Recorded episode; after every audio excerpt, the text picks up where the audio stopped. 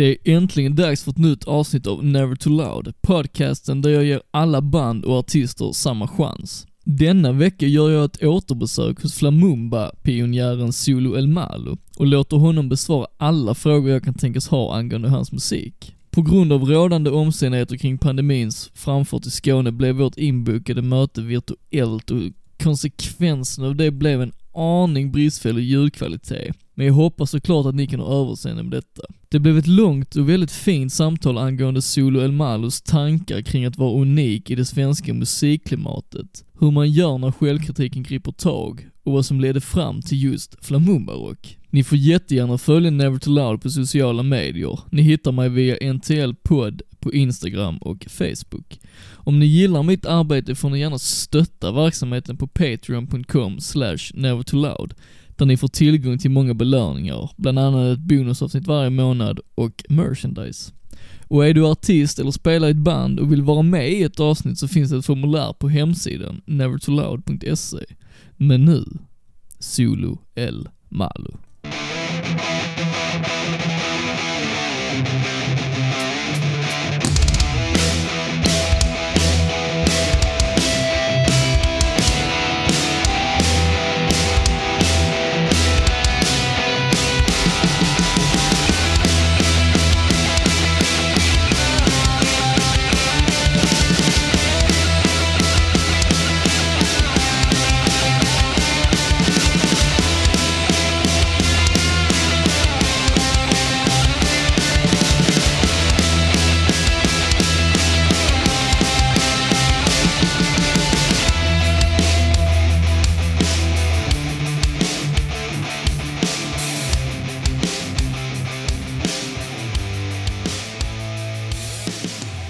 Att artister tar olika musikstilar för att koka ihop det till något eget och unikt har varit vanligt sedan musikens begynnelse och är även en huvudsaklig anledning till att musikens släktträd ständigt låter nya grenar växa.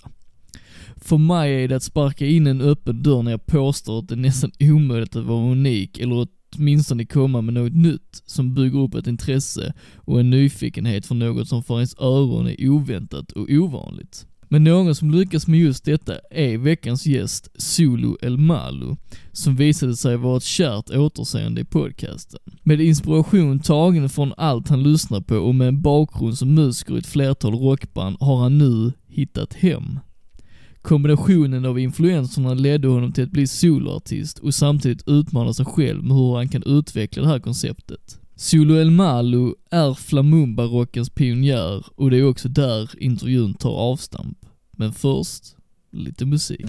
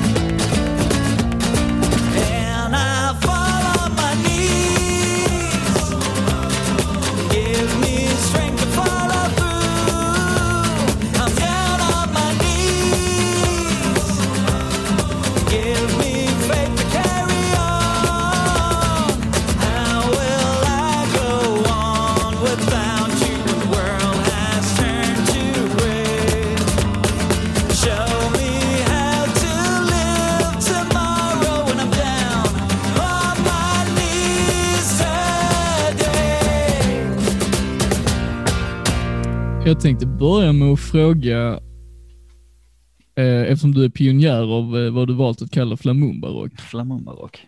ja, så måste jag ju fråga hur du fick idén till just flamumba. Alltså det eh, alltså till namnet eller till stilen så att säga. Alltså främst namnet tänker jag väl då. Jaha, ja, det, tyvärr får jag faktiskt ge cred där till brorsan. Han, Okej. eh, precis i början när jag höll på med det här så spelade jag upp lite demos till honom. Ja, han tyckte ju, han hade ett par alternativ, eh, bland annat jag skulle kalla mig själv för The Flamamba Kid. ja Han tyckte liksom att det, det, det var lustigt, men det blev flamumba-rock. Som en Flamumba-rock, kombination, ja. kombination av flamenco och rumba. ja, jag anar nästan det. Ja, ja men du vet du säger flamenco, eller rättare sagt du säger rumba, vilket är närmare det jag gör. Eh, Och de flesta, du vet det blir ett stort frågetecken på folk när man Ja. säger det. Men säger man flamenco så är de åtminstone på, på banan, fast den inte är Ja, alls flamenco. ja, Då kombinerar vi dem. vad, var hans andra förslag då? Usch, ja, som tur är så minns jag inte det, för att det, det var, de var Det ganska det. hemska ärligt talat. Han Ja, skämtade ja, ja. ju väldigt mycket där. Ja. Men du känner inte alls så liksom, eller är det liksom charmen att det känns nästan som ett litet skämt som gör att du vill behålla det, eller vad? Ja, så eh, eftersom jag helt ärligt inte riktigt vet vad jag ska kalla det. Jag hör, jag tror jag hör, lite, hör det lite annorlunda än vad andra gör. Så kändes det ju rimligt att behålla namnet. Men eh, Ja. samtidigt så är det ingen som vet vad fan det betyder. Så. så, så, så som namn så är det egentligen, eller så stilnamn så är det egentligen helt värdelöst. Ja, men det gör väl ändå det intressant på något sätt, tänker jag. Ja, ja, men sen samtidigt så kan man ju faktiskt alltid kalla sig legendar inom genren. Ja, Man är ju Exakt. till och med bäst när man är ensam. Så, eh, ja men så är det verkligen. Men om vi, tänk, om vi fokuserar på stilen som du då Ja. valt att kalla flamumba, var, var kommer det ifrån egentligen? Alltså det, det börjar ju helt och hållet som en... Eh, alltså jag har spelat i så många, liksom, antingen rockband eller punkband. Och, eh, Mm. Jag känner att fan, kan man inte kombinera rubbet på något sätt? Eller rättare Ja. sagt bara göra någonting och inte liksom eh, censurera sig själv. Ja, Och eh, då kom jag på att jag har ju sysslat med lite olika stilar. Och uppskattar många olika stilar. ja Så, precis. eh, ja, jag tänkte vi trycker ihop allting och ser vad som händer. Och så bara det blev ett resultat av det liksom. Ja, alltså det var ju också så att jag ville ju verkligen eh, göra annorlunda. Ja. Men jag spelade alltid elektriskt innan. Och i värsta Ja, okej. fall så var det Aki-gitarr. Ja. Då råkade jag ha en eh, nylonsträng. Jag tänkte, kan man, kan man ens göra musik på en sån, tänker jag. Liksom. jag menar, det, har, det har ju nästan varit helgrån att spela på en sån innan. Tänkte, nej, Ja, nu, ska, vi- såklart. nu ska vi göra någonting med den. ja. Och då, då gick det detta hållet. Jag tänker också spelstilen som du har på din gitarr i, eh, i det här projektet, det är ju ändå ganska unikt. Alltså det är ju inget man bara liksom kommer på, eller vet att man kan på en dag liksom, utan hur har det egentligen utvecklat sig? Ska jag berätta en hemlighet? ja, gärna. Det är så här att jag, för många, många år sedan så gick jag musikskola. Och det var en Ja. klass eh, som lärde ut rumba. Och I grund och botten kan man, det här låter hemskt att erkänna, men i grund och botten kan man säga att jag, jag lärde mig ett komp, ett rumba-komp på eh, nylonsträngat. Okej. Och det är den jag har liksom eh, baserat allting på. Okej. Funkar lite annorlunda i sån musik. Där är det rytmen som avgör vad du spelar. Det är liksom inte Ja. om du har en distad gitarr eller inte. Nej, Så, att, precis. eh, så det är egentligen eh, rumbarytm som jag manipulerar på många olika sätt. Och nej, det var inte jättelätt att lära sig. Jag brukar inte spela med fingrarna liksom. Nej, nej, precis. Men det låter ju väldigt bra i alla fall. Ja, tackar. Alltså det är väl i stort sett, det är ju ett soloprojekt, eller hur? Oh ja. Ja. Det är tyvärr ingen annan som varit involverad eh, från början i alla fall. Nej, nej precis. Det var inte meningen att det skulle vara det kan jag nämna. Att eh, från början så var det bara precis att jag ville skriva någonting och jag hade folk radade. Jag skulle spela gitarr och bas, that's it. Jag Okej, skulle inte ens skriva texterna från början. Okej. Ja, du vet hur det är. Duktiga musiker är oftast upptagna. ja, Så. det är svårt alltså. Ja, Du kände att du gör detta på egen hand liksom? Ja. Det, ja men det eller att vänta liksom. Fan, Mm. kan jag vänta fortfarande. och du har valt att kalla dig för Solo El Malo. Japp. F- Förklara. Du, jag funderade på det, för det var någon som frågade mig. Jag kommer inte riktigt ihåg hur jag kom Okej. fram till det namnet, men det var, Nej. Jag kommer ihåg tankegångarna i alla fall, för jag satt och funderade på många alternativ och polarna bara, nej det där duger ju inte alls. Jag, jag, jag tror jag kom på det på engelska först, om Ja. the bad. Eh, Ja. Men sen var det någon som poängterade att det liksom, eh, liksom säger det verkligen att, blir det, alltså, är det tydligt om man säger only the bad att det, det är liksom latininspirerat? Mm. För det är ju liksom det som är, det, ska vi kalla det unika eller det annorlunda i det, för annars är det Ja. faktiskt bara medioker akustisk rock. Liksom. Ja, så kan man nog säga det. ja, nej men så då tänkte jag att men okej, då, då gör vi det väldigt enkelt. Vi, vi Ja. översätter det till spanska Ja. och det lät ju häftigt. Ja, Jag tycker det är väldigt talande för den musiken du gör ju, så Ja. det är ju helt perfekt liksom. Du menar only the bad? precis, precis. Eh, men du har spanska rötter och så eller? Det... nej, jag är Nej. finne 100 procent. Ja okej, okej. Så, att, Så eh, det är, allt det där med latin och sånt, det är bara fake liksom. Det är fake, ja tack för det. alltså grejen är att jag, jag eh, spelade ett band för många år sedan i England som hette, eller heter Gypsy Pistoleros. Mm. Det var väl första gången jag hörde så att säga latinmusik. Första gången jag hörde Los Chungitos i alla fall. Okej, Det är skarpt. ja, Det är liksom, det är, väl, det är väl där jag började lyssna på spansk musik rent allmänt. Så, att så, så, så mycket bakgrund i det har jag. Eller så lite. okej. Så det är mest bara en musikalisk preferens som har gjort att du liksom har Ja. velat gå ditåt så att säga. Ja. Precis. Ja. Men det, kanske, det kan väl räcka tänker jag. Jo, alltså, tyvärr, jag har ingen sån massiv story. där. nej, Jag får nej. kanske hitta på en. Eh, Varför inte alltså?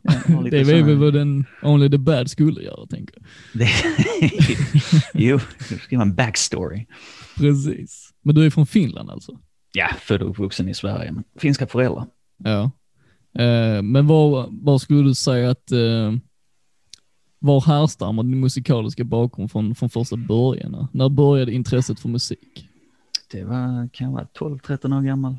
Faktiskt, eh, det, är, det är en snubbe i skolan eh, i min klass då som spelar i ett sånt här Nirvana coverband. Okej. Nirvana var stort på den tiden. Eh, och jag tyckte de var så jävla häftiga när de fick lira och du vet, fick ju brudarna såklart. Så Ja. drog jag och polarna ihop ett punkband. Vi kunde inte Ja. spela så det kunde inte bli något coverband. Nej, den resan Det känner man igen Så nej, där började det.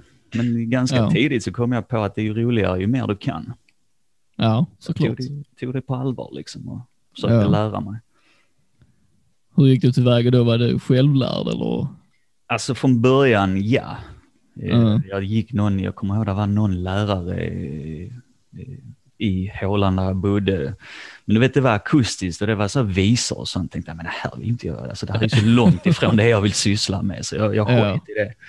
Men eh, vid något tillfälle så skaffade jag en drös av eh, privatlärare faktiskt.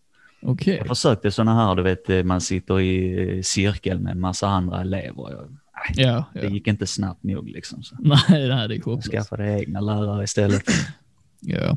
Och du kände där att du, hur mycket skulle du säga att du utvecklades under den processen så att säga? Ja, jäkla massa med tanke på att jag kunde inte ens ta hönsackord när jag först började spela. Nej, Jag, nej, nej, nej. jag körde powerchords med två fingrar för jag klarade inte av att trycka in en tredje där. nej, precis. Och utan disten hade det låtit väldigt slarvigt. Och sen efter det, vad, vad hände då? Ja, sen eh, en lärare jag hade, han eh, nämnde att han hade gått på den här Musicians Institute i Los Angeles. Och Okej. menar på att det är ett bra ställe och det blev jag helt eld och lågor för. Så Ja. att, eh, vi, vi, eh, vi kom överens om att vi skulle så att säga förbereda mig för att eh, gå dit sen när jag blev 18. Ja. Och eh, smart som jag var så snackade jag med morsan om det redan då. Och hon tänkte väl att ja. ja, det är många år kvar innan det, så att visst, vi, vi, vi låter han göra det. Han kommer glömma bort det sen. Tyvärr. Där, där gjorde hon en miss och så blev jag musiker istället. ja. Ja, men det är nog fint på något sätt alltså. Jo, vad fan. Jag screwed myself tidigt. ja, precis. Eh, men eh, du har spelat i ehm, rätt många olika band. Jo, Eh, som du var inne på innan också, även The Negatives och Dirty Passion va? jo, s- spelade du bas i Dirty Passion, hur var det? det gjorde jag. Ja, Jag spelade bas i väldigt mycket under den perioden, även i Negatives och Gypsy Pistoleros. Konstigt nog, jag, jag är gitarrist i grunden och har spelat det, men det är egentligen det jag har spelat minst i band. Eh, hur kommer det sig egentligen? För att det fanns alltid mer jobb för basister. så enkelt. Det kanske är så ja. Ja, men vad fan, ingen, vill- alltså, man, ingen vill ju spela bas. Nej, Alla är ju gitarrister och alla är så jävla duktiga så att... eh, men ni höll på rätt länge i Dirty Passion om jag minns rätt. Ja, jag kommer inte ihåg, fyra, fem år i alla fall sedan jag hoppade in där. Ja, ja. Och sen efter det, då började du då bygga det på det som skulle bli Solo El Malo? Jag tror faktiskt jag gjorde någonting redan innan det, men det var för någon Okej. annan grej. Jag kommer inte ihåg riktigt. Jag för mig det var, det var någon som nämnde att eh, de höll på eh, sån här pilotsäsong i, i USA, i Los Angeles. Och att det Mm. var mycket sådana här spansk-influerade och Sydamerika-influerade serier som pitchades. Och att de behövde, Okej. behövde sådana här eh, alltså theme songs. Ja, ja. Och då tänkte jag, men vad fan, kan inte jag göra en sån? Liksom, det kan vara Ja. ett roligt projekt. Så egentligen redan där började men jag skickade aldrig in det. Okej. Så, Är det någonting som du har återanvänt senare till? eh, jag, tror, jag tror det fanns ett riff någonstans, men det var mer, mer tanken liksom. Tänkte det här, Ja, det här går ju faktiskt. Det blir ju något sån här intressant liksom. Ja, precis. Mm, Utvecklar man det? Ja, men om du då tänker på eh, dina tidigare erfarenheter när du gäller att spela i band och sånt. Ja, Är det någonting där du har lärt dig som du senare har tagit med dig till ditt soloprojekt? i grund och botten allt. Alltså det här Ja. är ju någon form av destillering av allt jag har gjort och gått igenom och lärt mig och vilka smällar man har fått ta liksom. Ja, Plus samtidigt även någon form av, eh, alltså du har ju spelat i band, du vet ju att det kan vara lite svårt ibland om man är ensam person med världens bästa idé. Ja, man oh ja. har sån fantastisk idé och det är bara ingen som förstår dig. nej, nej. Och eh, här har jag nu chansen att testa de här idiotiska idéerna. Utan att Så de hänger ändå, de har hängt kvar liksom? Och, Jo, nu, nu kan de inte hindra mig längre. Nej, men det är ju ändå ett bevis på någonting, för man, man brukar ju säga det att bra idéer hänger ju kvar, så att Jo, förvisso. då hade du säkert rätt. Uh, ja, okej, vi kör på den. Jag gillar det. Vi kör på den. Ja. Men som vi varit inne på också, det är att du vill ju gärna testa någonting nytt med eh, Solo El Malo. ja. Eh, hur tycker du själv att du har lyckats med det hittills?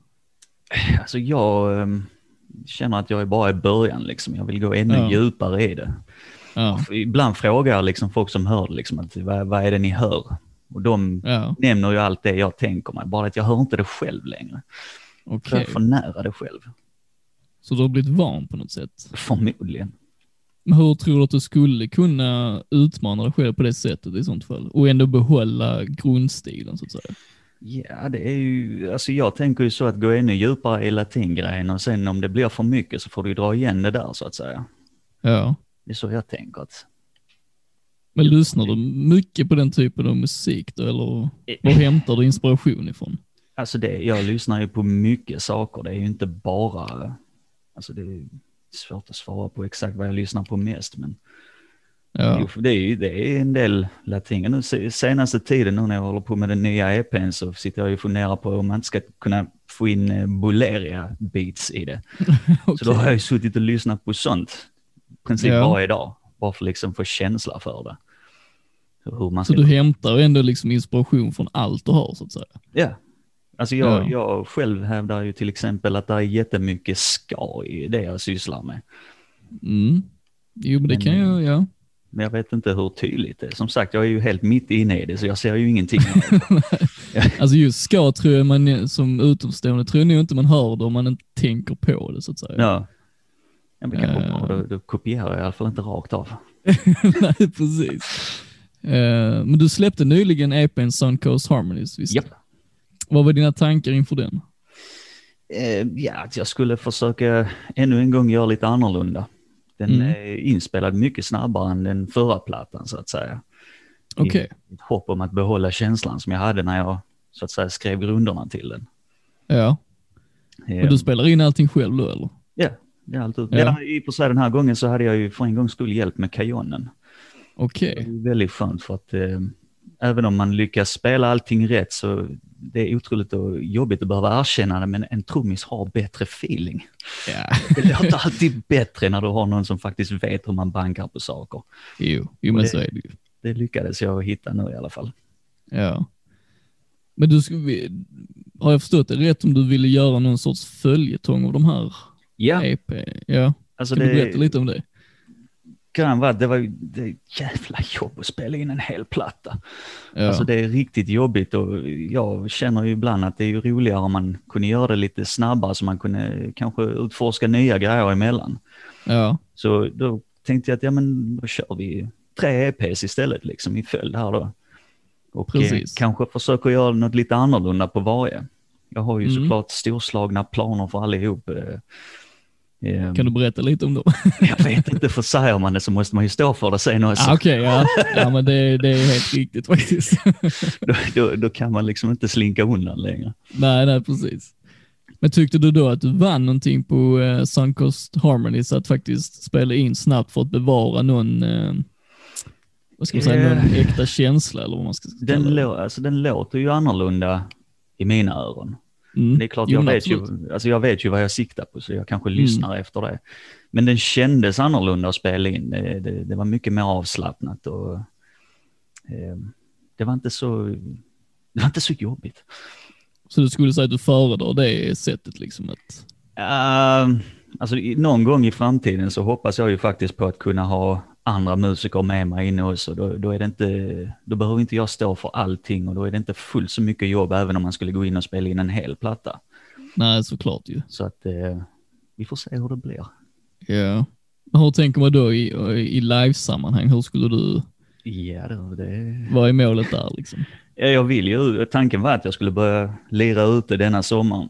Men Ja. det gick ju sådär. Det gick sådär. Det, ja.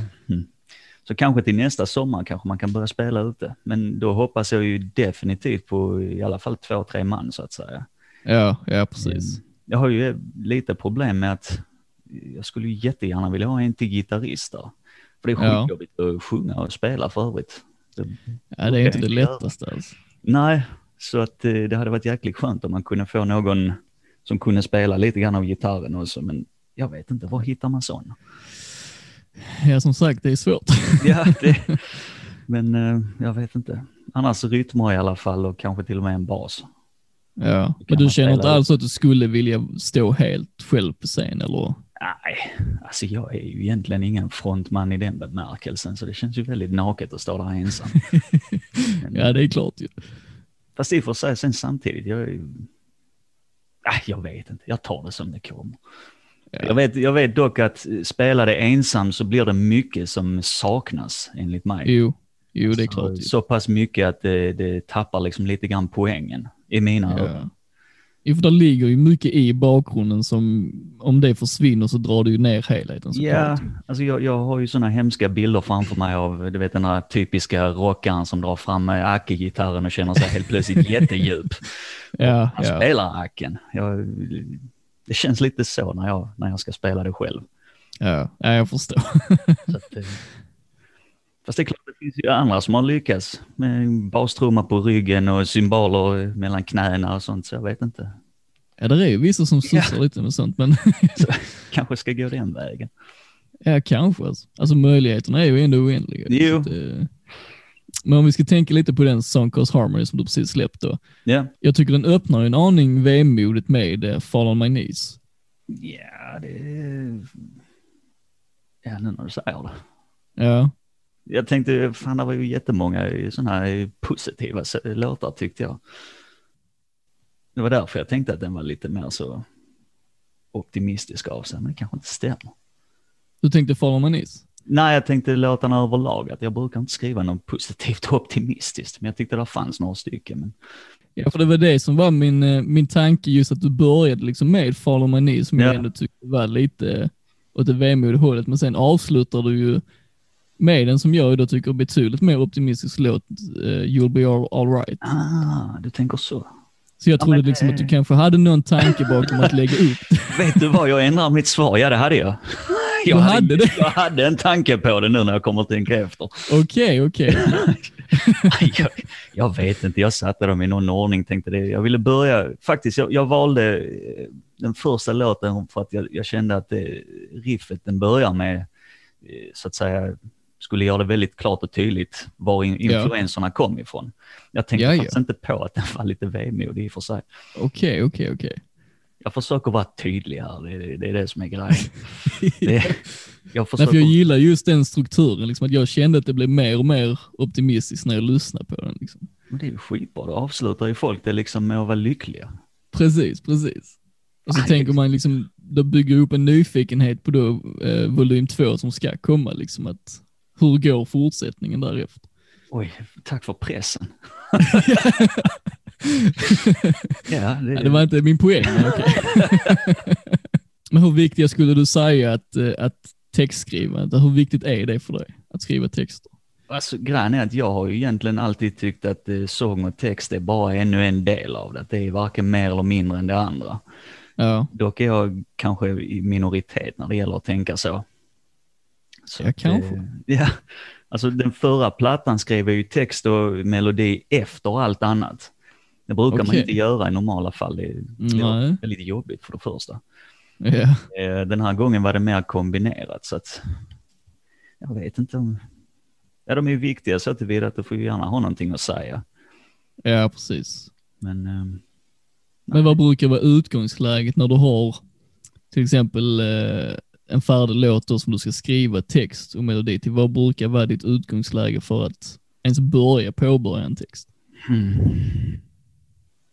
Alltså jag brukar ju, alltså jag har ju sån, eh, sån liten, eh, vad ska man kalla en liten bok med mig alltid jag skriver grejer i. Okej. kan alltid vara, alltså där kan ibland stå någonting som kunde bli en häftig titel, där kan stå eh, kanske någonting jag funderar på, eh, alltså Mm. så liksom en kort novell. Alltså Ja. en feeling jag försöker beskriva eller något. eh, Så då brukar jag liksom bläddra igenom den medan jag lyssnar på det och ser liksom vad är det som känns rätt här. Ja, Börjar man därifrån och ibland det du hade från början kanske blir kvar i slutet. Ibland så är det bara startskottet för att skriva något helt annat. Men det är ungefär så jag börjar. så det är aldrig så att du liksom eh, medvetet jagar någon tematik i texten eller Nej, det, det bara kommer. det är mer bara att skriva på ren känsla då? Ja. Alltså det, det är ju lite så att jag inte, det är länge sedan jag skrev texter nu. Så jag menar, jag behöver inte göra det för jobbigt för mig själv, utan jag, jag låter det komma som det kommer. Sen klart Ja. när du väl har en vers och en refräng till exempel, så eh, såklart så har du ju någon form av tema på det. Då får du ju följa det helst. Ja, ju såklart ju alltså. Men tycker du att det, alltså, blir texterna väldigt personliga för dig? Ja, oh ja. Alltså Ja. de har alla en, det finns en anledning till att jag har skrivit dem allihopa. Ja. Men det är, det är klart det är inte alla som vet om vad de handlar om. Nej, för jag tänkte fråga dig också, liksom, hur tror du att de mottas av lyssnarna? Bra hoppas jag. Ja. Vi var ju lite inne på det där när jag beskrev Faromani som lite vemodig där i början. Ja. och så. Att det blev mer och mer optimistiskt. Det var ju min liksom, tolkning av det så att säga. Ja, det är intressant när du säger det så. Ja. Men ehm, För det blir nog lätt så tror jag att om du skriver utifrån din känsla att då blir det väldigt lätt för lyssnarna att tolka in det i sin känsla så att säga. jo, ja, men det gör man väl automatiskt. Speciellt om man inte vet Ja. exakt vad det handlar om. Då Nej, nej, precis, fylla i luckorna själv liksom. Ja. Men ehm, jag vet inte, det jag hoppas de eh, hör någonting som är värt någonting för dem så att säga. Ja. Behöver ju inte veta vad den handlar om egentligen. Nej, alltså det är väl ofta så att ju mer öppet det är för tolkning desto bättre kan det bli också. Jo. Men jag kan ju säga att det finns en låt på förra plattan som många tror handlar om en tjej som faktiskt handlar om en akvariefisk jag hade. Vilken låt var det? Det berättar jag inte. ah, okej. Så jag menar, och det, det, det låter dumt men jag var väldigt imponerad av den fisken. Det var därför jag skrev en story. Eller inspirerades av den. ja. ja, men allt är tillåtet så det är ju, det funkar ju. Jo. Hur, alltså, hur är du självkritisk av det när du skapar musik? Oh ja, jätte. Ja, Det är ju, alltså jag kan ju, det kan ta mig jättelång tid att komma igång just för att jag måste först gå igenom hela den processen med att eh, få tyst på mig själv så att säga. ja, ja. Liksom det är bara att tagga ner, det är inte klart än, bara vänta lite grann och se vad det blir först. Har du något sätt som du vet att du kan hantera det på, som du direkt går till i sånt fall, när du väl är där så att säga? Alltså jag, jag, nej, det är bara tid. Det är precis som att där Mm. är, man måste ha en liten tid först och bara liksom få ut all den negativiteten. Man Ja. skriver en rad och så bara, nej det här, det här, fan vad håller du på med liksom? Hallå, Ja. var det där verkligen det bästa du kunde göra? så bara, ja, ja okej, ut med det, ut med det, ut med det. Ja. Slappnar man av och bara, bara skriva liksom. Men självkritiken har aldrig hindrat dig från att bli färdig? Mm, nej. Eller yes, kanske. Alltså det, det är just det att med tillräckligt mycket tid så, så eh, nöjer jag mig till slut liksom och blir, blir Mm. nöjd med det. Och, så att nej, det har väl inte hindrat mig sen. Det kommer alltid i början, för när jag väl är klar liksom så ser jag ju helheten och jag vet inte, speciellt i detta projektet när tanken var att jag ska ju inte ha några begränsningar och där är ju saker som jag kanske inte hade stoppat in i de låtarna alltså i, för fem år sedan. För att då hade jag Mm. känt att det här var inte riktigt passande för det. Nu tänker jag mer att nej, men, om det inte är passande så är det nytt för stilen i alla fall. Ja, Det är kanske lite intressantare. ja precis. Så att nej, det brukar inte hindra mig, är det korta svaret. Men när du då, om du då går tillbaka och lyssnar på till exempel din första skiva, Ja, känner du ofta så till exempel, okej, där hade jag kunnat göra någonting bättre, eller det skulle jag ha Oh, ja. skippat, eller ja. herregud, det kan jag göra med allt jag någonsin har spelat. Alltså det, alltså det är det som är grejen, att det är inte lönt. Jag vet ju många som spenderar år och dagar, alltså verkligen så eh, tävlar med vevaxel om att göra klart en platta. Just för Ja. att de liksom hela tiden ska förbättra och ändra. Jag tänker bara, det du gör just idag är det bästa du kan göra just idag, förutsatt att du, Ja. du har lagt ner tiden och mödan. Det är klart det om ett år så eh, kanske du kan göra det bättre eller kanske hade gjort det annorlunda bara för att. Men ja. då kan du väl göra en till platta istället. Då. Ja, precis, för det blir ju naturligt processen av att utvecklas i, Ja. i allt man gör ju. Ja, precis. Så jag menar, sen är det ju så att det jag inte gillar, det kanske någon annan gillar. Ja, ja såklart. liksom, så har du ju ett värde i sig själv där ju. Precis. Men om vi då tänker på din första skiva då, hur kände du att du liksom förkapslade det soundet som du var ute efter? När du spelade in den skivan. Hur, eh, alltså vad jag känner om resultatet menar du? Ja, alltså, tänker i den stilen när du skulle liksom spela in någonting eh, för första gången i den genren så att säga. Kände du att du liksom kunde skapa det soundet som du var liksom ute efter? Eh, I, I stora drag, ja. Men det är väl som med allt annat, man får ju liksom testa sig fram tills man hittar det. Men jag är ju nöjd med resultatet i den, att det, det blev åtminstone någonting eh, likt det jag ville ha. Ja, Men det är ju klart, eh, nu i efterhand så vill man ju ha mer. Men det vet jag också. ja att jag, hade, ja, men jag, jag tror inte jag hade kunnat göra det på något annorlunda sätt. Nej. Så att jag vet ju att rytmerna framför allt och Kajon-spelet, alltså det var ju jag som la Kajon på den plattan. Jag är ju inte jättenöjd med dem. Nej, okej. Jag känner att det tappar lite feeling eh, på grund av att det var jag som spelade in det. Men jag vet ju också att det var det bästa som kunde göras. Så Ja. det får man, Jo, precis. det får man fixa till nästa i så fall. Hur mycket erfarenhet har du i att spela in och mixa och mastra och så vidare?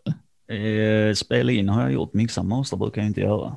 Det skickar Ah, jag okej. ut. Eh, jag har fått eh, rådet att börja med det faktiskt.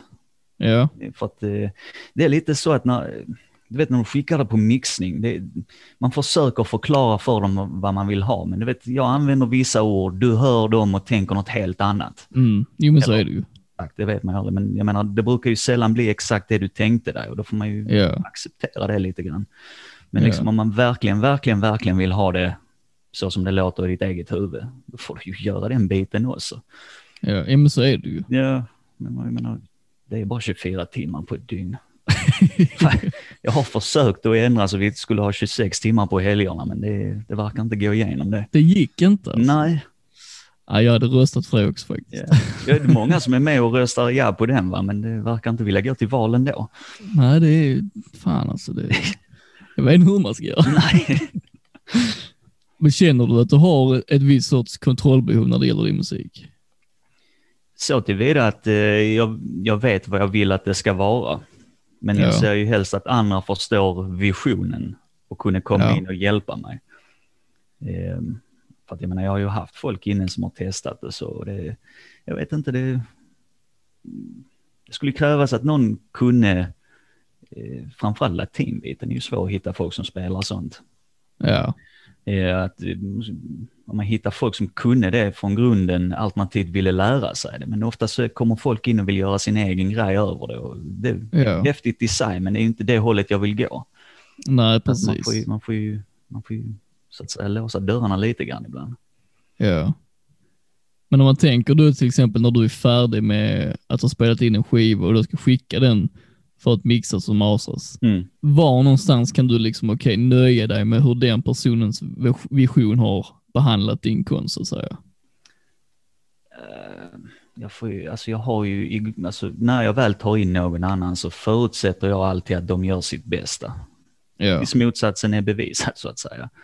Och därför, eh, därför när de skickar tillbaka något, eh, liksom här är första draften om man ska säga, så ja, jag lyssnar på det och försöker acceptera det, deras, liksom hur de har sett på det. Jag ja. tänker det kan ju också vara en fördel, jag menar det är ju inte tvunget så att mina idéer är de bästa. Eh, Nej, såklart. Man måste ju vara öppen för andras intryck såklart. Ja, så jag menar jag tänker ju att ja, men, eh, de här vet vad de sysslar med, de har sysslat med den biten lika länge som jag har sysslat med min bit. Ja, Ehm, och därmed så får man väl, alltså de har ju mer expertis i den biten än vad jag har. ja, Så, eh, oftast brukar jag ta det som det kommer, liksom att någon, några ändringar liksom så, men överlag brukar jag låta dem, de sköter den biten. ja. Men skulle du då inte vara nöjd så hade du i sånt fall, Ja, jag, jag vet att den första plattan gick ju runt till en jäkla massa ställen. Jag vet jag till och med fick tillbaka någon disco-variant av det vid något tillfälle. Herregud vad den lät. ja Alltså, det kan först- ju, Alltså det var en dator som, jag vet att det är jag som sjöng på det, men det lät som en dator. Helt Okej. kliniskt och det var liksom, öh, det var hemskt. men då hade de ju ändå fått alltså, din eh, förklaring till hur du ville att det skulle. Men jag ja. gjorde ett misstag. Jag, eh, Okej. du vet, jag skickade runt det till många och fick sådana här testmixar. Ja, Och jag hade väl inte gjort mitt jobb tillräckligt väl där och kollat vad det var för någon jag hade skickat till. okej, okej, okej. Och kom på att de här skickar mycket till radio. Ja, ja. Så nej, det, det, jag har kvar den. Jag kanske lägger ut den någon gång. Bara så folk får reda på eh, du får gärna skicka till mig annars. så jag kan höra. Alltså den är, aj shit alltså. Det, det är så jag hade låtit om jag hade varit en, en sån här eh, stor eh, som ska lanseras på radio. Riktigt så. Ja. Utan, utan eh, någonting mellan benen så att säga. ja. Hemskt var det i alla fall. Shit alltså. Men hur ser du egentligen på det om man tänker så? Hur, hur kommersiell skulle du vilja bli med det här projektet? Ja, exakt i den gräns där eh, kommersialismen blir viktigare än musiken. Ja, ja. Alltså det, tyvärr så känns det väldigt ofta som att det som ska ut till masskonsumtion är väldigt eh, tillrättalagt och slätstruket. Ja, Jag, menar, jag behåller ju gladeligen misstag i mina inspelningar. För Ja, helt ärligt, den musik jag lyssnar på eh, helst är inte perfekt.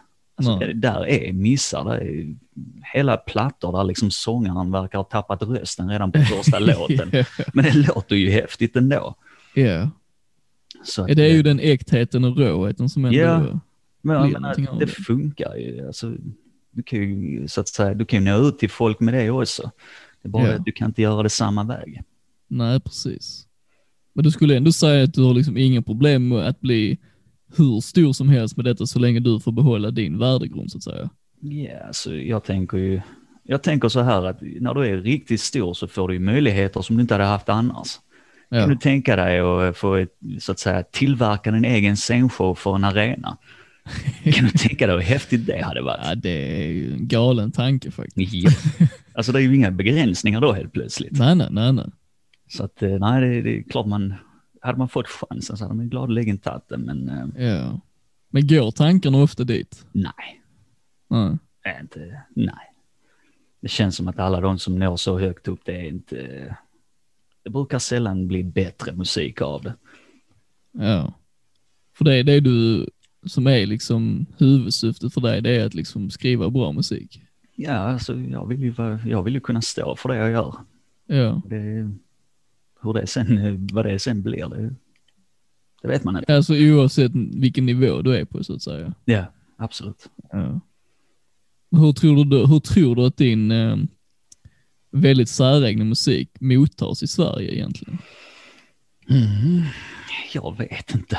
Alltså sådana som eh, jag faktiskt kan prata med så att säga öga mot öga för att det menar, man får meddelande, oh, bra musik och så liksom. Ja. säger man ju egentligen inte mycket. Nej.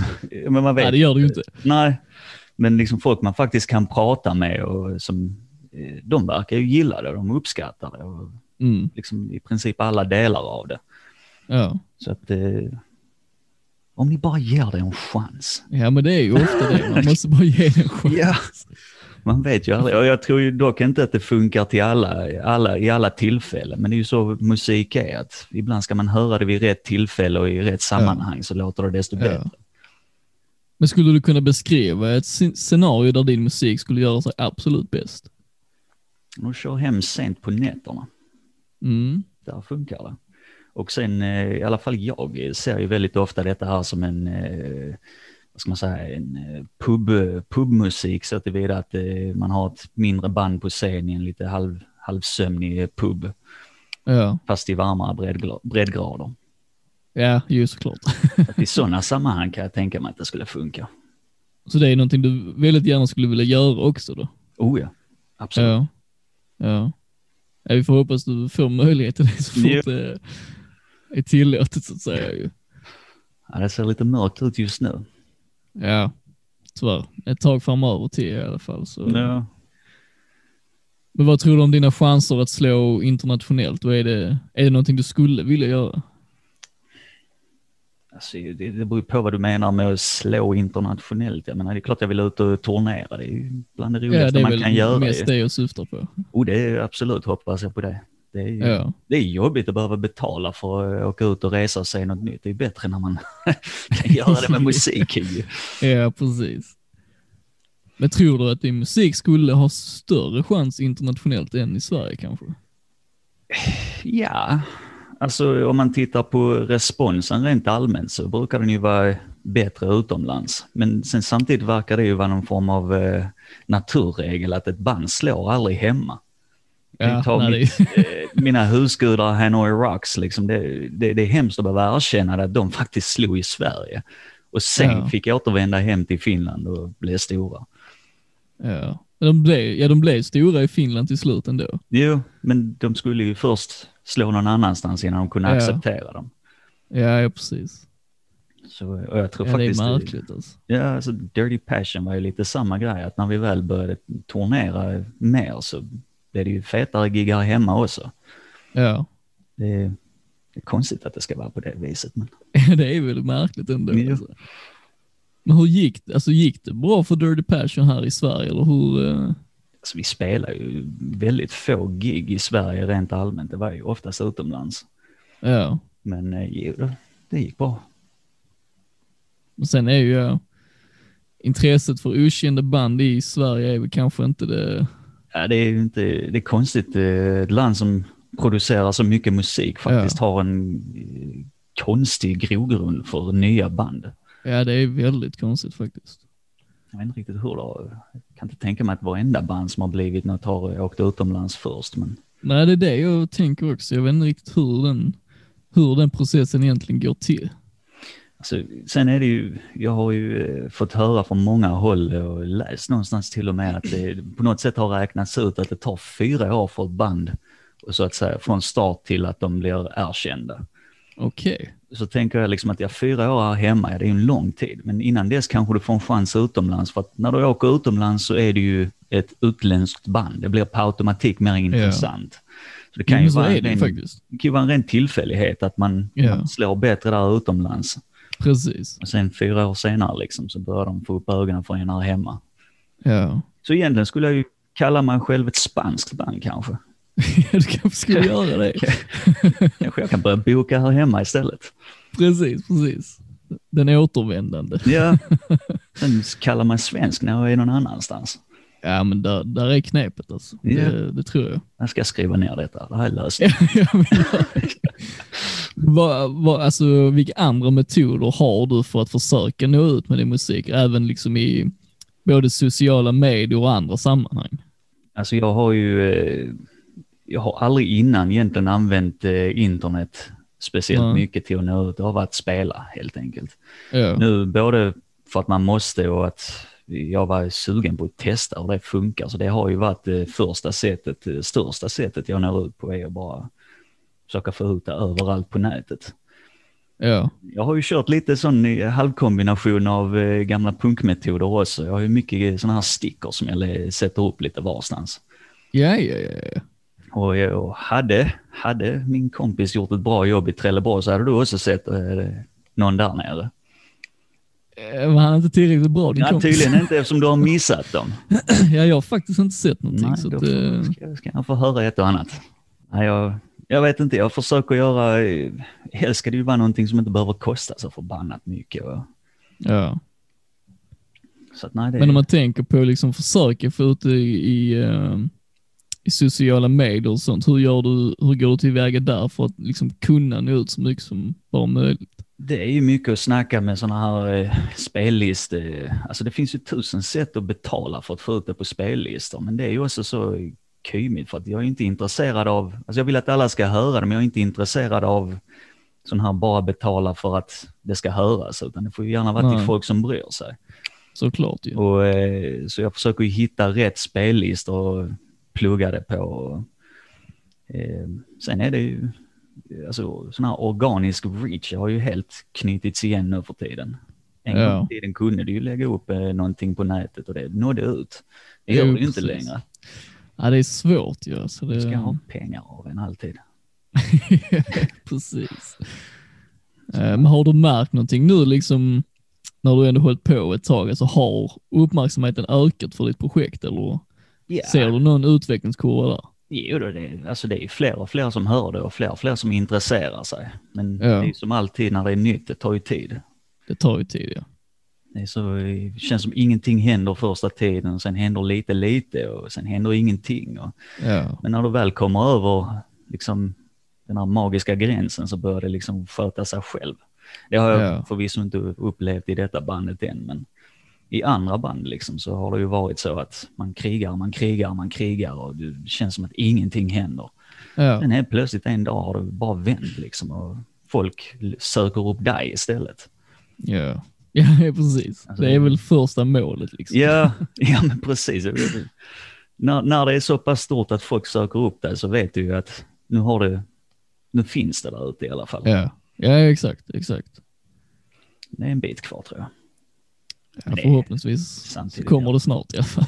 Ja, men samtidigt så är det ju det är en del av det. Det är lite Ja. intressant det också. Ja, ja visst är det det. Visst är det det. Men var skulle du säga att du ser störst utvecklings, utvecklingspotential i dig själv som artist och musiker? Jag eh, kan ju utveckla i grund och botten allt kan jag ju tycka.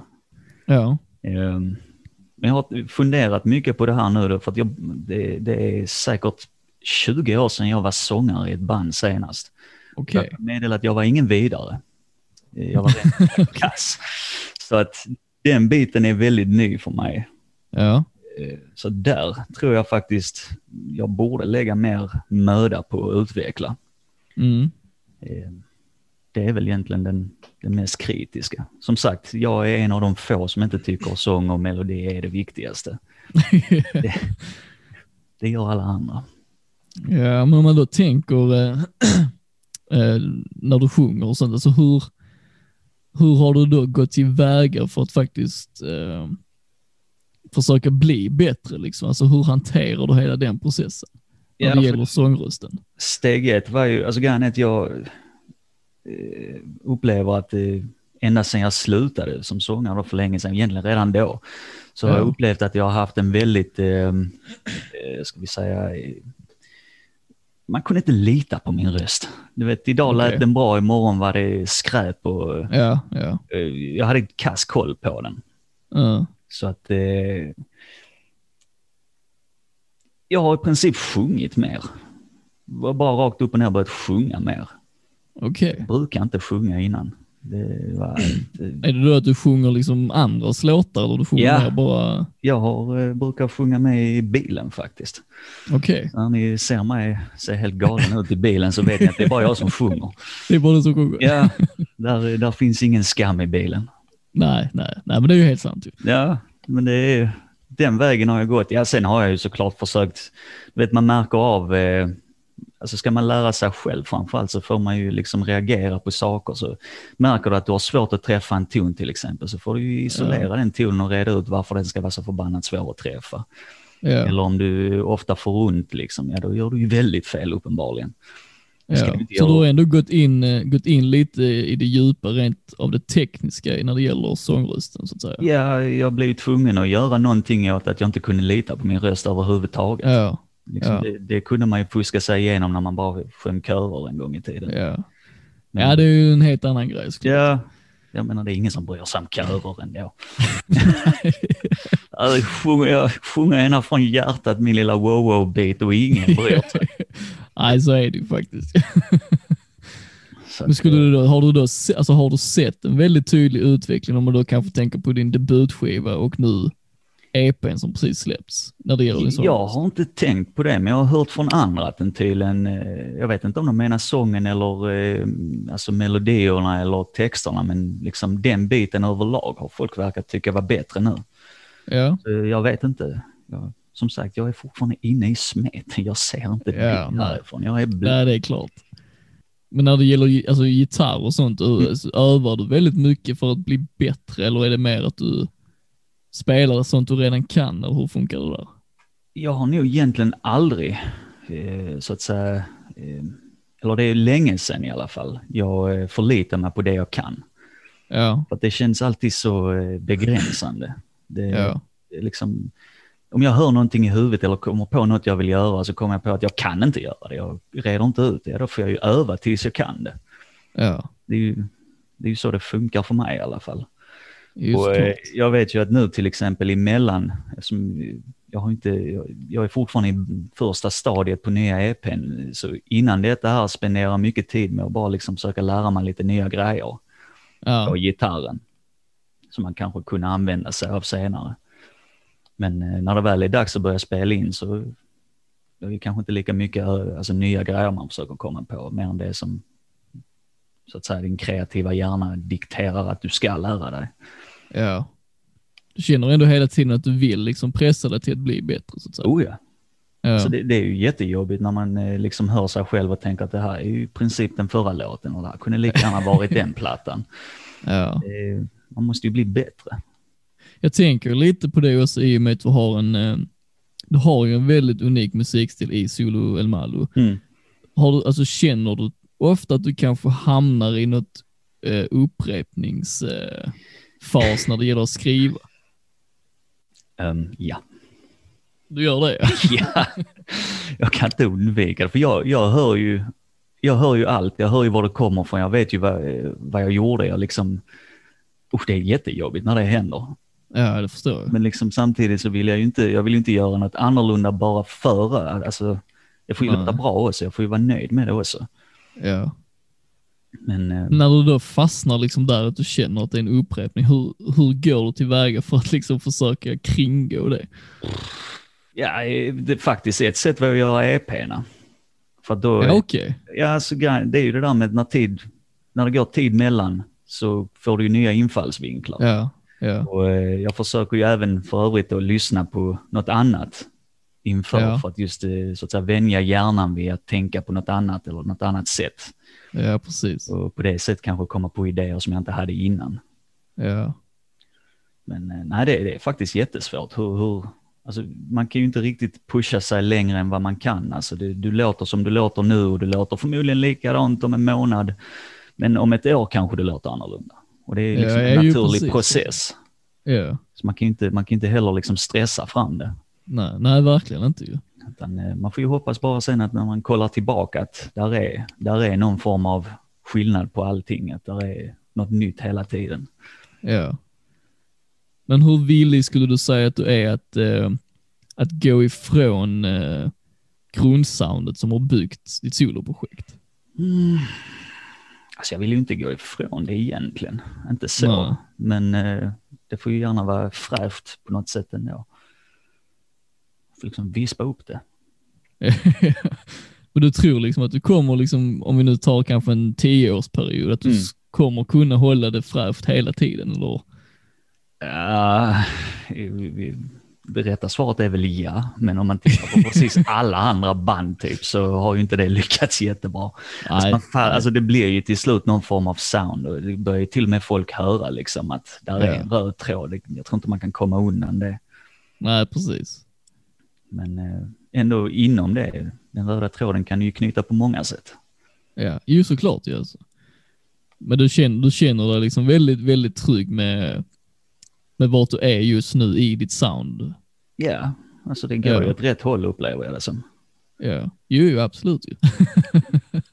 Så att, eh, nej, på så sätt så är, är det ju precis där det ska vara.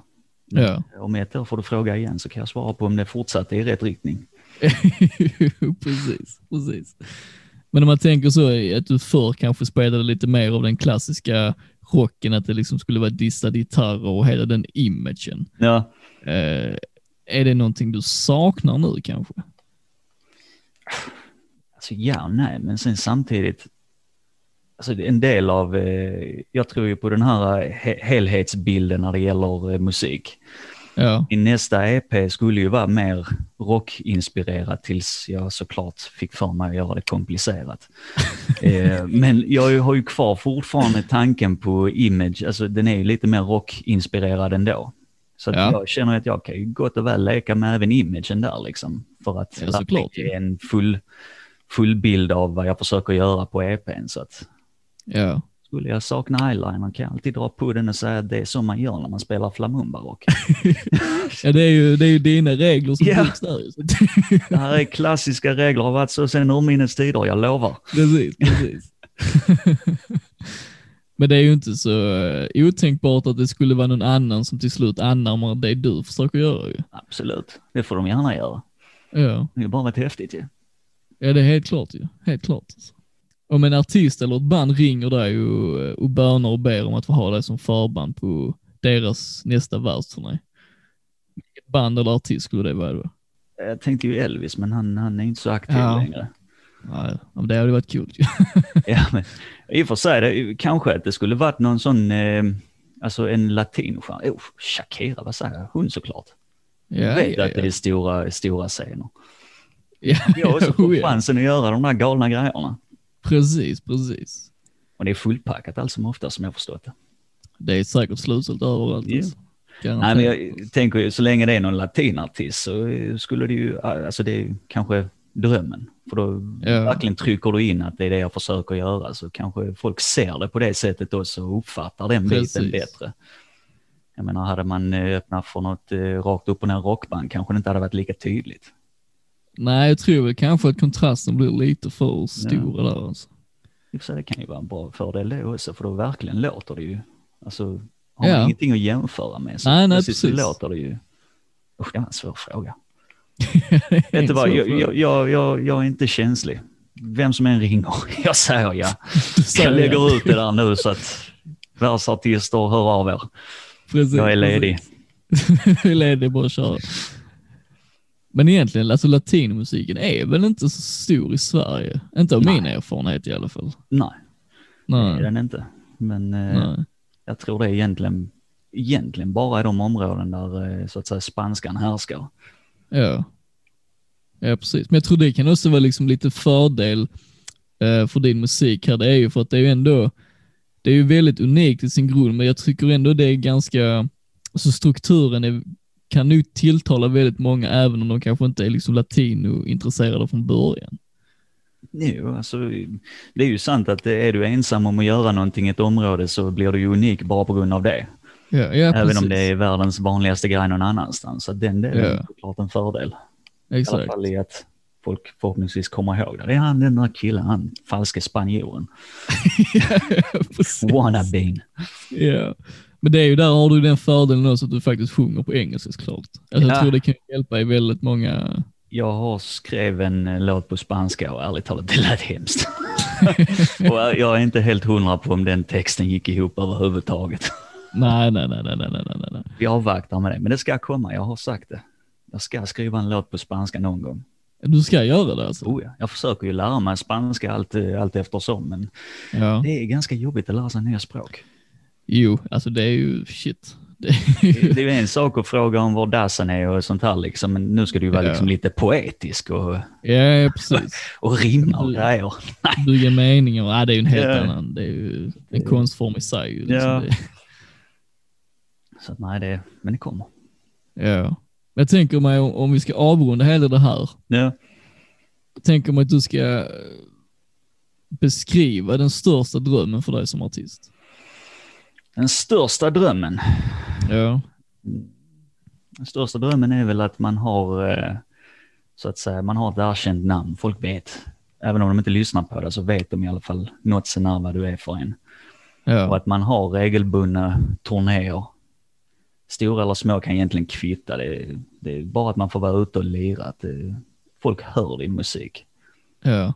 Det är, det är egentligen det, den största drömmen. Du vill gärna liksom livnära dig på musiken så att säga. Ja. Alltså jag är, det är så här att jag är tveksam till om det hade funkat för mig. Okej. Jag är livrädd nämligen att om inte jag har lite eld i röven hela tiden att jag kommer bli lat. Ah, okej. Så att jag, jag, är, jag är livrädd för vad som händer om det plötsligt är så att man bara behöver ligga ute och lira en sommar var tredje år. Jag menar herregud, då kommer Mm. jag sitta på sofflocket eh, i två och ett halvt år liksom. Och inte göra ett piss kanske. Nej, Det har ju varit hemskt. Ja, du tror liksom att risken då hade varit att allting bara dör ut eller? Ja, att jag dör ut. Att jag liksom slutar göra saker vid sidan om för att jag, du vet, jag har all tid i världen. Ah, vi tar det imorgon. Manjana, manjana. Ja, Liksom, ja. Nu, nu vet ja du jag kan ju att rätt där alltså. varje minut nu är ju viktig. För Ja. att Jo, du har inte precis. hur många som helst. Nej. Så, Nej, det är helt sant ju. så tänker jag. Ja, Jag bryr mig faktiskt inte riktigt var pengarna kommer ifrån, bara jag vet att jag kan fortsätta vara aktiv med musiken Precis. och det kreativa. men om det kommer så pass långt Mm. att du faktiskt tjänar så pass mycket att du kan livnära dig på det, Ja, då måste du komma ihåg den här intervjun att du absolut inte får eh, hamna där. Ja, men då, då kör man en sån refused. Ja, Utan mitt på bara, "Nej, det är för kommersiellt, jag vill inte vara med längre. nej. Ja, sen kommer du tillbaka tio år senare. och Ja. Så, När man inte längre får de här pengarna. precis. Sen är jag redo att göra musik igen. ja, exakt. Ja, det är nog helt riktigt alltså. Jag tänkte också bara snabbt om, eh, för jag tycker det är en ganska intressant eh, tanke att leka med. Eh, Du vet tv-programmet Så mycket bättre. Jag känner till namnet, jag kommer inte ihåg vad, vad den handlar om. Ja, det är ju det när svenska musiker samlas för att eh, göra covers på varandras låtar. Ja, ja, ja. Är det någonting du hade sagt ja till om de hade Nej, det hade jag inte. Du hade inte det? Nej, herregud. Alla så, alltså, åh, jag borde nästan inte ens säga detta, för jag har inget bra att säga om det där. Okej. Det, det, det känns så, så billigt på något sätt. Liksom. Man ska Ja. bara upp på tv och synas och så gör man nästan vad som helst. Det, Ja. Vi är inte långt ifrån japansk sån eh, tävlingsprogram. Nej. Ja, det har vi väl nästan redan. Har vi inte en massa kändisar som eh, tävlar i sporter och sånt mot varandra? Jo, alltså man ser ju allt sånt hela tiden tycker jag ju. Alltså. Poppa håller väl på med det. Vad fan har ingen skam i kroppen, människan? Ja, nej precis, Han är ju precis. ökänd eh, hockeystjärna. Han ska inte behöva hålla på med sånt. Nej, man tycker det ju. Alltså man undrar ju ändå någonstans var integriteten liksom. Ja. ja, men ärligt alltså. Det, det Ja. behöver, inte, behöver inte synas hela tiden. Nej, nej, nej, precis, precis. Men jag tänker mig om vi tar, om vi tar det formatet som de har där, fast vi tar bort allt annat utan att det bara handlar om just cover-aspekten av det. Alltså hur intresserad skulle du vara av att göra covers på andras låtar? Kanske i det formatet som är grunden till ditt soloprojekt. Alltså jag har ju tänkt på det många gånger. Det kunde ju varit intressant att göra om, helst då lite udda, oväntade låtar. Jag har lekt med tanken. Ja, Bland annat eh, The Casualties eh, har några låtar som jag inbillar mig faktiskt skulle funka bra i den här, Ja. den här genren. ja, Eh, Kanske lite långt ifrån va, men jag tror ändå det skulle kunna funka. Så att det hade kunnat vara intressant rent musikaliskt att göra det. ja. Ja, det är det jag också tycker. Jag är väldigt nyfiken på hur det skulle låta om du tar en låt som kanske är rätt långt ifrån det du gör Ja, och då liksom anamma hela din stil på det. Det är en kul tanke. ja. Ja men jag, jag har tänkt på det någon gång, liksom, att det, Ja. det ska väl kunna gå på något sätt. Men du har aldrig försökt så att säga? Nej, Nej. nej, egentligen inte. Det, Ja, det kanske är något för framtiden kanske. ja, men det är väl ingen dum idé för sig, man kan väl göra det. Ja, för jag tror det är ju många som sysslar med sånt. Alltså, det finns ju vissa sådana ska-punkband som gör covers på jätte, jättekända hits liksom. Jo, Och gör det till just ska-punk liksom. Och det, det blir ju blir ju ofta framgångsrikt för att det är, är en helt annan tappning. ja, det är sant. Jag tänker att du behöver bara en sån hit för att nå ut liksom. Ja, men sen kanske man blir känd som han, den där som gjorde den covern. ja, ja, precis. var inte heller precis. liksom. Nej, nej, det är ju Alltså jag vet inte. jag one hit wonder i en cover liksom. oh, jösses. Det hade, oh, det hade varit hemskt. Ja, det är ändå en mardröm faktiskt. Ja, på något sätt. Jag vet inte, det är kanske bättre att vara okänd i sådana lägen. Ja, det känns nästan så. Det Ja, men tänk själv, det, du, du gjorde någonting som alla kommer ihåg därför, bara att du fick inte ens göra din egen grej. Nej, exakt. Jag tänker lite på det när uh, uh, Thåström och de gjorde en cover på uh, Staten och kapitalet ju. Ja, Eh, och så just när Metallica valde att framföra den nu när de var, spelade på Ullevi för något år sedan var det väl. vänta, va? Metallica? Ja, Staten och kapitalet? ja de körde den alltså. Eller det var väl basisten och Kirk Hammett som körde någon sån. Ah, eh, du, det här måste jag ju youtuba, det här kan inte vara sant. ja, det, det finns på, jo det är sant. Det är sant. Vad helskott. Okej. Det är, jag kan ju förvarna dig om att det inte är bra. Okej, ju- ja, det, men det förutsatte vi på något sätt. Du sa precis att sångaren var där och jag gillar inte den sångaren. Men jag tänker ändå liksom, du vet när, när, när Thåström hör det så kan han ju inte, han kan ju inte bli stolt för det eller ögonblicket, för det är inte han som har skrivit den liksom. Nej, just det. Ja. Nej. Jag tänker mig liksom i sådana situationer, tänk att göra en hit och så är det liksom, det är inte du som har skrivit den liksom. Ja, det är ju det är ju inte så att man oftast, alltså vi är ju inte alla Per Gessle, vi kan inte ha hur många lyckade karriärer som helst liksom. precis, precis. Och den chansen du fick var inte ens egentligen din egen. Nej, nej exakt. Nej, För det finns ju många, till exempel eh, när Whitney Houston gjorde I will always love you. ja, Det är ju Dol- Dolly Parton från början liksom. det där visste jag faktiskt inte. Nej okej, nej men det är det jag menar liksom att hennes största hit är liksom inte ens hennes Du har förstört min värld här nu på bara fem minuter. Ja, det är, jag ber om ursäkt. Ja, Men hallå, jag vet inte vad som är upp och ner längre, ärligt talat. Nej, nej, Okej. Ja, ja, det är men helt sjukt. i och för sig, varför inte Dolly är jätteduktig. Ja, hon är fantastisk ju. Det är samma väl eh, Mariah Careys Without You, det är ju inte heller hennes från början. Ja, fast henne kan jag ju lätt köpa, för jag, jag har svårt Ja. att se henne som en låtskrivare Ja, överhuvudtaget. ja men precis, precis. Men det är ändå liksom att de är så framgångsrika för, oftast en, kanske två, tre låtar, men det är aldrig de själva som har skrivit dem. Det var tråkigt egentligen. Fast det, det är ju jättevanligt. De köper ju alltid låtar för, Ja. från andra liksom. Och, Ja, ja, precis. men de är ju produkter. Ja. Men det är lite samma så som jag känner. Jag är väldigt, väldigt stort fan av Elvis, men Men, nu, Han skrev ju inga du, låtar. nu, nu, får du faktiskt uh, vakta dina ord där. alltså, Ja, oh, jag gillar Elvis. han är helig för dig också. Oh ja. Ja, ja, men det är han för mig också, men man kan ju, han, han var ju ingen låtskrivare liksom. Nej. Han tog ju också andras låtar liksom. Fast, ja. Sen tycker jag kanske hela hans liksom karriär och hans paketering var ju ändå mer framstående än vad kanske mer nutida stjärnors är liksom. Ja. de har ju utvecklat den biten i alla fall. Ja. Men det verkar ju precis. vara standarden ändå, liksom, att när du ska upp där uppe så... eh, Fast det vet du kanske själv, vet att skriva en hel platta, där kommer ju vara någonting som kanske inte är fullt så häftigt som resten. Ja, ja. Och då, då, är det ju, då är det ju såklart en fördel om du har ett band där alla skriver, för då har du Ja. större chans att trycka in bra låtar på en platta. Ja. Men att du vet, skriva 10-12 bra låtar i stöten, det, det är inte jättelätt. Nej, det är svårt alltså. Det är jättesvårt ju.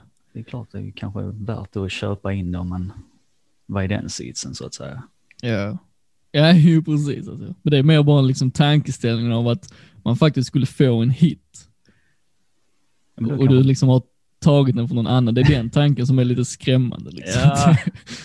Ja, jag, jag, Okej, vi gör som så att vi väntar tills jag har en egen hit, sen gör jag en cover. Sen kan du göra Ja, det får väl vara lösningen tänker Ja. jag mig då alltså. Så att eh, vi, vi kör den vägen då. Kör den vägen. Jag tror Ja. det blir skitbra alltså. Har du något annat du själv skulle vilja tipsa om nu innan vi avrundar? Mm, jag vet inte. Eller någonting du skulle vilja förklara eller säga eller?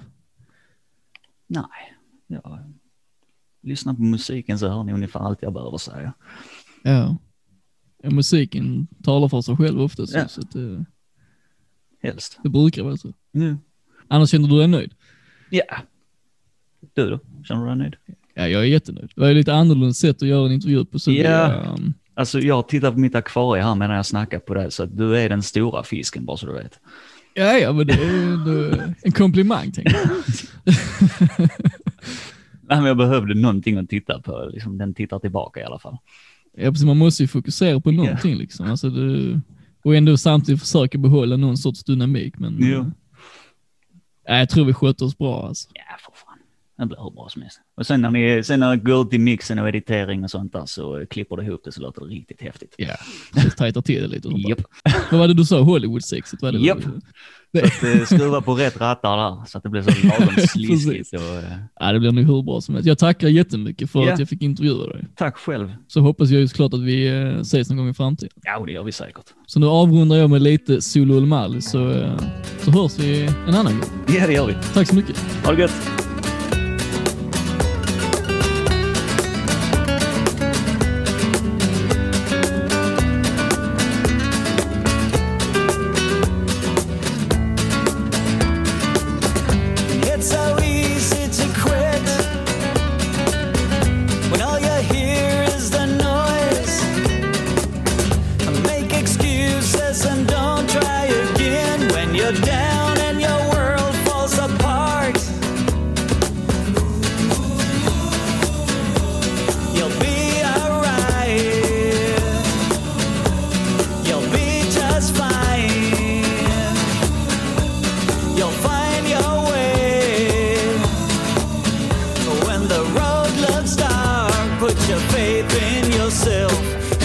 Be alright.